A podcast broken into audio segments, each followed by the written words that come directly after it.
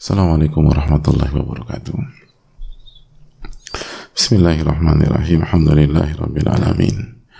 Wa bihi nasta'in ala umuri dunia wa din wa salatu wassalamu ala ashrafi anbiya wal mursalin wa ala alihi wa sahbihi wa man sara ala nahjihi bi ihsanin ila yaumidin wa ba'd. Allahumma salli wa sallim wa barik wa an'im ala nabiyyina Muhammadin wa ala alihi wa sahbihi ajma'in.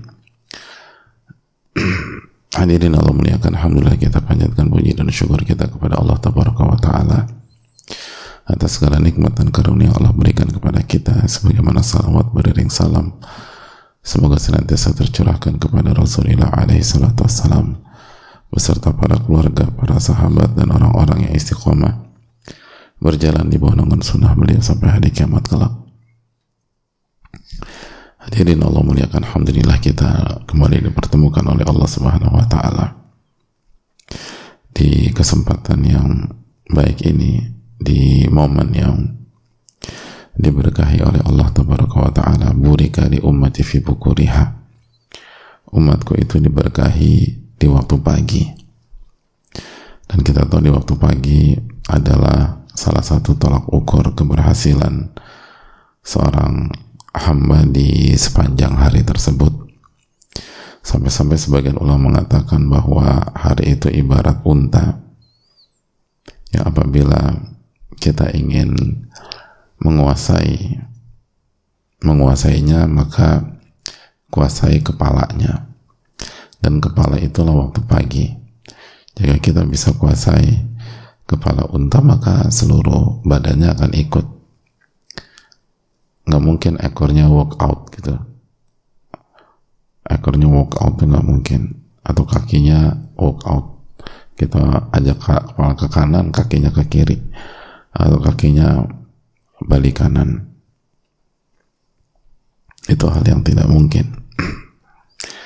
Oleh karena itu hadirin Allah muliakan ini bukan hanya tentang kajian setengah jam atau kurang lebih setengah jam. Tapi ini bagaimana kita menjaga performa kita di hari ini. Karena kalau terima amal ibadah kita di waktu pagi, maka itu adalah modal besar menjalani hari ini. Sebagaimana kaidah mengatakan um, jazaul hasanati hasanatu ba'diha. Balasan dari kebaikan adalah kebaikan berikutnya. Jadi kalau kajian ini Allah terima dan Allah nilai sebagai sebuah kebaikan maka ini akan mengundang kebaikan di jam-jam berikutnya. Di waktu duha, di waktu siang, di waktu sore, di waktu malam dan sebaliknya. Sebaliknya itu wajaza'u sayyiati sayyiatu ba'diha. Dan balasan dari keburukan adalah keburukan berikutnya jadi kalau kita isi waktu pagi dengan maksiat, maka konsekuensinya duha itu bermasalah, lalu zuhur bermasalah, lalu asar bermasalah, lalu malam pun bermasalah. Ini kaidah yang harus kita ingat terus menerus hadirin sekalian.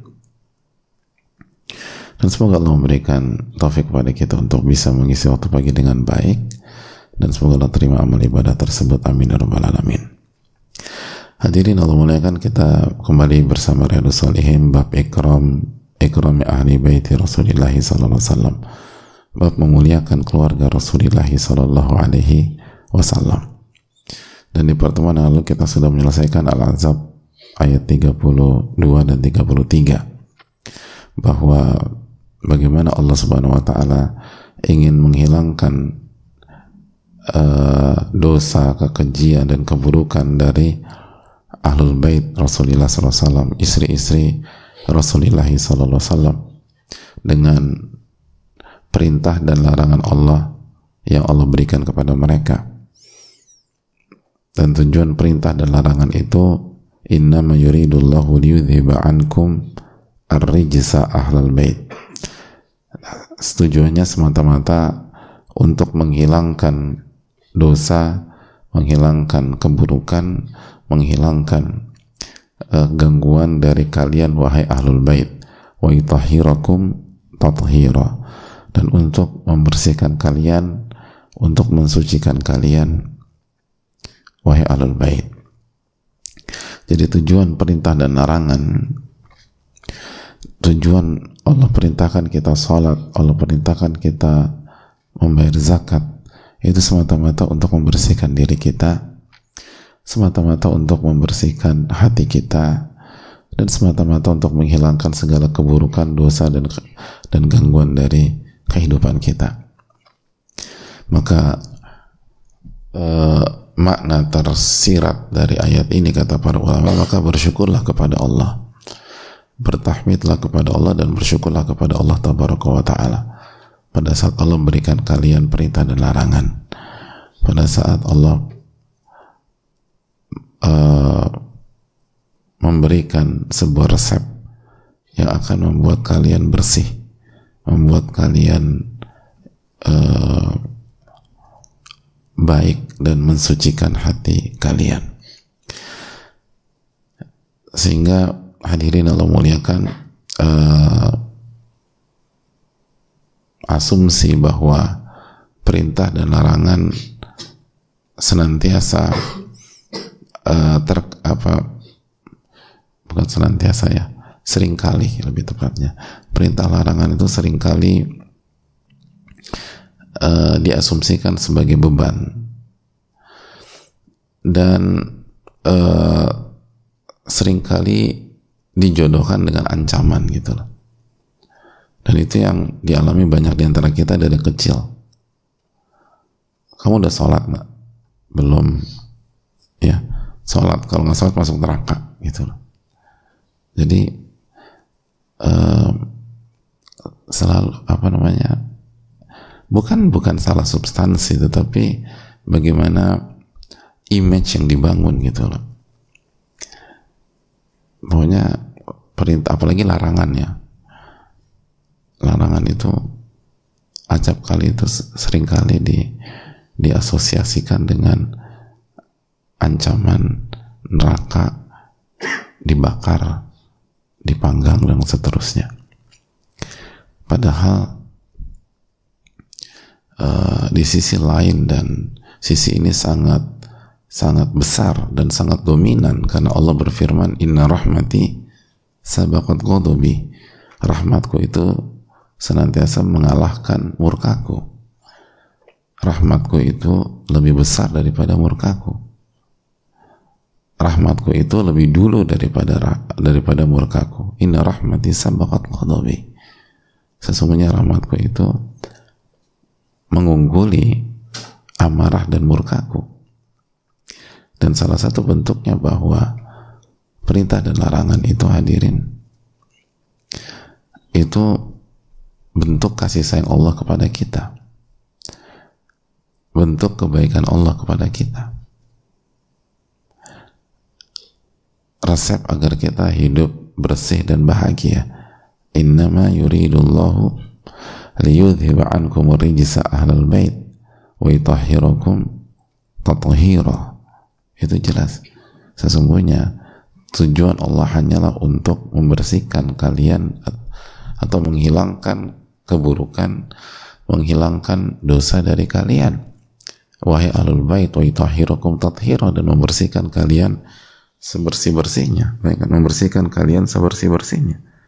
Membersihkan kalian dari virus-virus dan dari noda-noda hati dan hal-hal yang bisa mencederai kehidupan kita dan membuat kita gagal bahagia.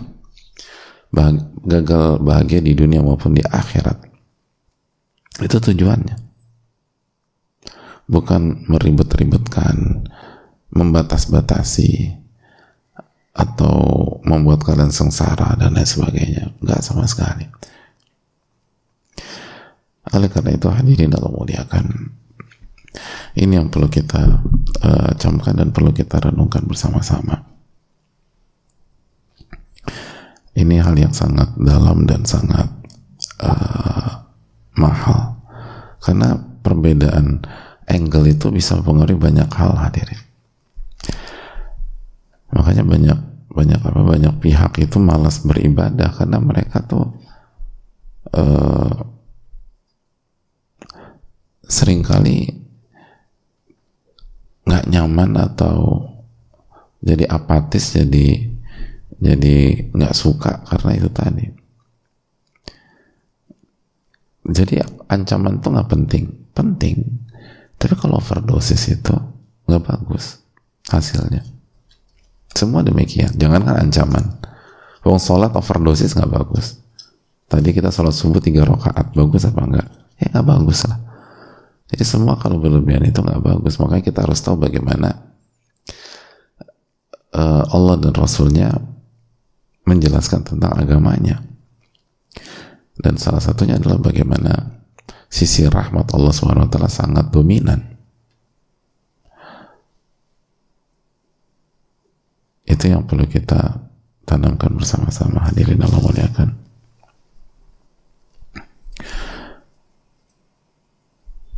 Hadirin Allah muliakan.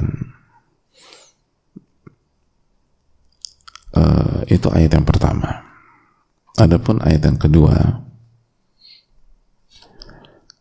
Al Imam An Nawawi rahimahullah taala membawakan surat Al Hajj ayat 32.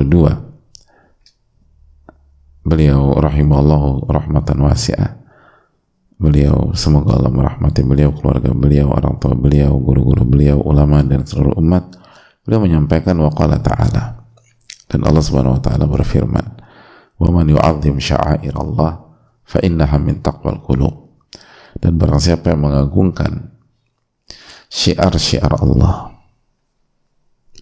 barang siapa mengagungkan syiar-syiar Allah maka itu menunjukkan ketakwaan di dalam di dalam hati. Jadi waman kadzalika waman yu'azzim sya'air Allah fa innaha min taqwal qulub. Sesungguhnya barang siapa yang mengagungkan syiar-syiar Allah Subhanahu wa taala maka itu adalah bukti ketakwaan di dalam di dalam hati. Hadirin Allah muliakan. Uh, apa yang dimaksud dengan syiar-syiar Allah? Dan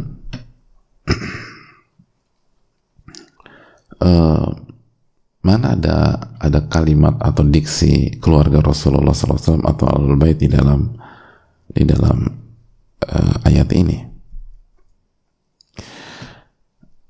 Tidak ada tidak ada kata ahlul bait atau keluarga Nabi SAW dalam ayat ini. Namun ketika Imam Nawawi rahimahullah taala ketika Imam Nawawi rahimahullah taala memasukkan atau memasukkan ayat ini ke dalam bab yang sedang kita bahas memberikan pesan kepada kita bahwa salah satu syiar-syiar Allah adalah keluarga Rasulullah Sallallahu Alaihi Wasallam. Pada saat kita memuliakan pada saat kita uh, mengagungkan tanpa ifrat dan tafrid gitu. tidak berlebih-lebih tidak melampaui batas tapi juga tidak kurang tidak kurang dosis. Jadi hadirin yang Allah muliakan maka barang siapa yang memuliakan keluarga Rasul SAW maka itu menunjukkan ketakwaan di dalam hati. Menunjukkan ketakwaan di dalam hati nah pertanyaannya apa itu syiar-syiar Allah kita sering mengatakan syiar syiar syiar syiar pertanyaan apa itu syiar Apa itu syiar hadirin sekalian? Kalau kita dengar kata syiar apa sih artinya? Hmm? Apa arti syiar? Peran apa peran syiar? Hmm, syiar itu apa? Pernah dengar kata itu nggak sebelumnya? Nggak pernah. apa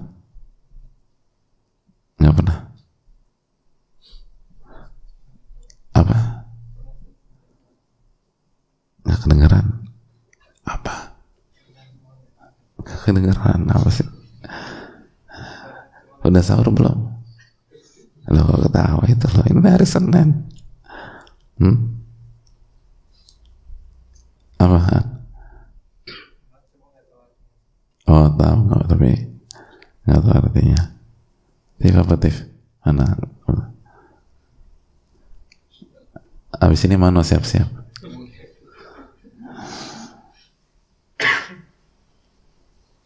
hmm apa Tif syiar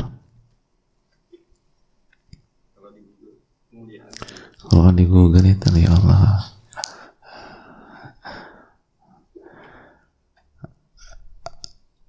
Oke. Okay. Nas apa nas? Tanda-tanda. Tanda-tanda.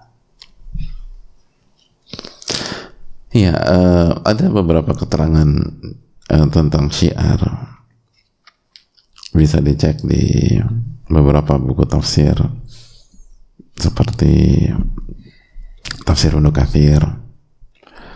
atau uh, tafsir At-Tabari uh, atau tafsir-tafsir yang lain di antaranya syiar itu awamir perintah-perintah Allah Subhanahu wa taala di antara menjelaskan syiar itu umuruddin alal itlaq perkara-perkara agama secara mutlak. Jadi semua perkara agama itu dinamakan syiar.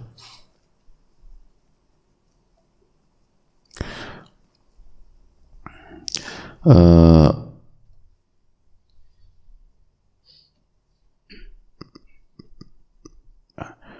bisa juga lebih spesifik dan yang sering kali kita pahami. Bahwa syiar itu adalah a'lamuddin al-zahirah. Uh, ya uh, kayak simbol-simbol agama yang yang nyata gitu. Makanya kan konteks uh, ayat ini kan awalnya tentang haji. Dan haji adalah ibadah yang ketika dikerjakan itu menarik perhatian seluruh dunia. Bukan hanya menarik perhatian orang Mekah saja tapi menarik perhatian seluruh dunia. Seluruh dunia. Bahkan bukan hanya umat Islam di seluruh dunia tapi umat is, uh, bahkan warga dunia. Warga dunia. Bukankah apa uh, orang yang mau berangkat haji misalnya akan mengurus visa haji? Dan visa haji uh, tidak bisa dilepaskan dengan uh, kerjasama dua negara karena diberikan kuota nggak bisa bebas. Ya. dan dengan demikian berarti negara-negara tersebut tahu gitu oh ternyata ada haji ya, tanggal sekian. Kenapa? Karena warga negaranya yang muslim ngurus ngurus visa itu untuk bisa naik haji. Jadi makanya dinama haji itu syiar karena begitu dikerjakan itu menarik pak. Itu zohir gitu loh. Benar-benar nampak terlihat. Benar-benar nampak dan dan terlihat.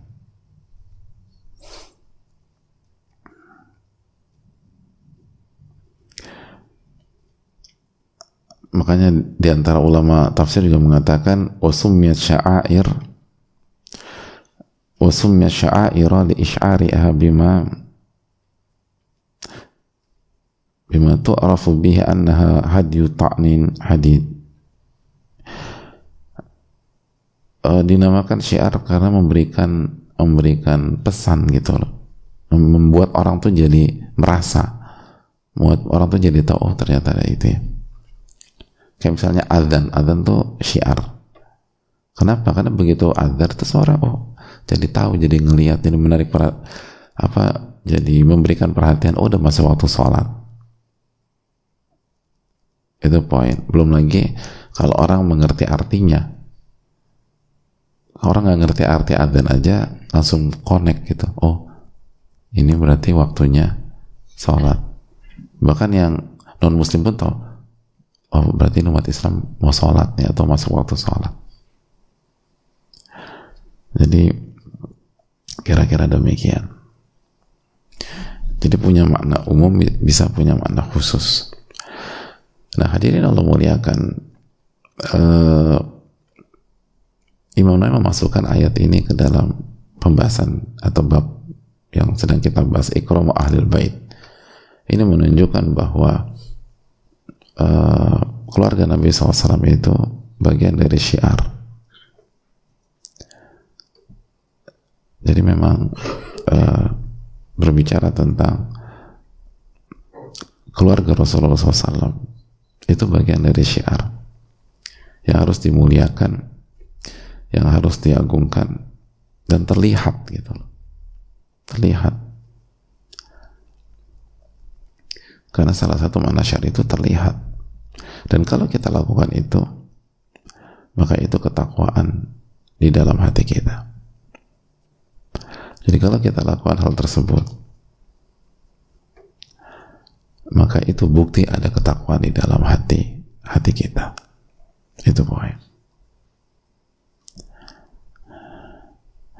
itu hal yang perlu kita uh, tanamkan bersama-sama.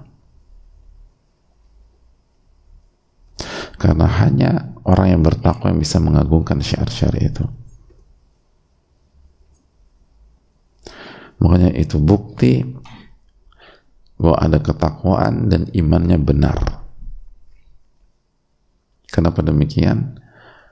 Karena kata sebagian ulama kita nggak mungkin memuliakan syiar tersebut kecuali lahir dari memuliakan Allah tabaraka wa taala dan meninggikan mengagungkan Allah Subhanahu wa taala.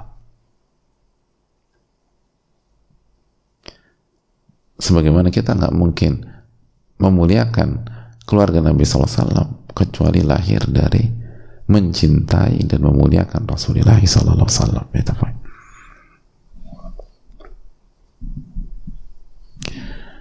Jadi ini makna sebenarnya sama dengan bab yang lalu.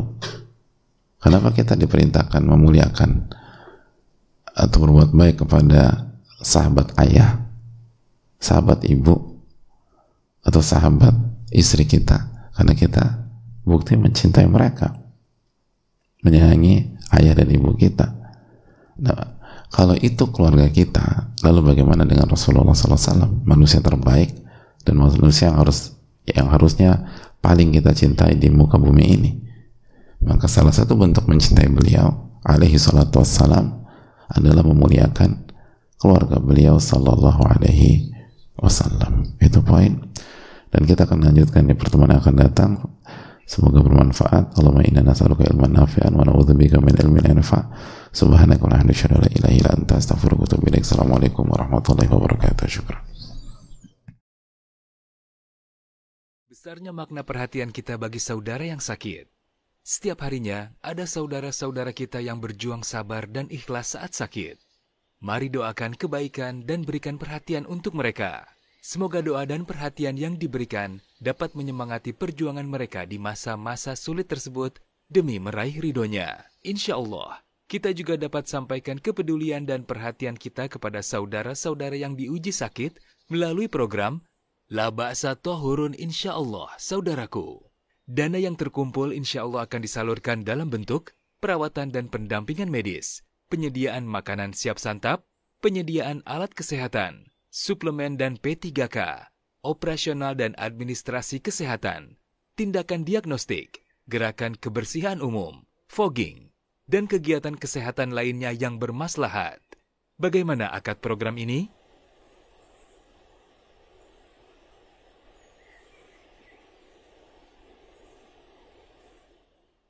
Salurkan sedekah terbaik kita melalui rekening CIMB Niaga Syariah 8600 1382 6300 atas nama Muhajir Peduli Indonesia.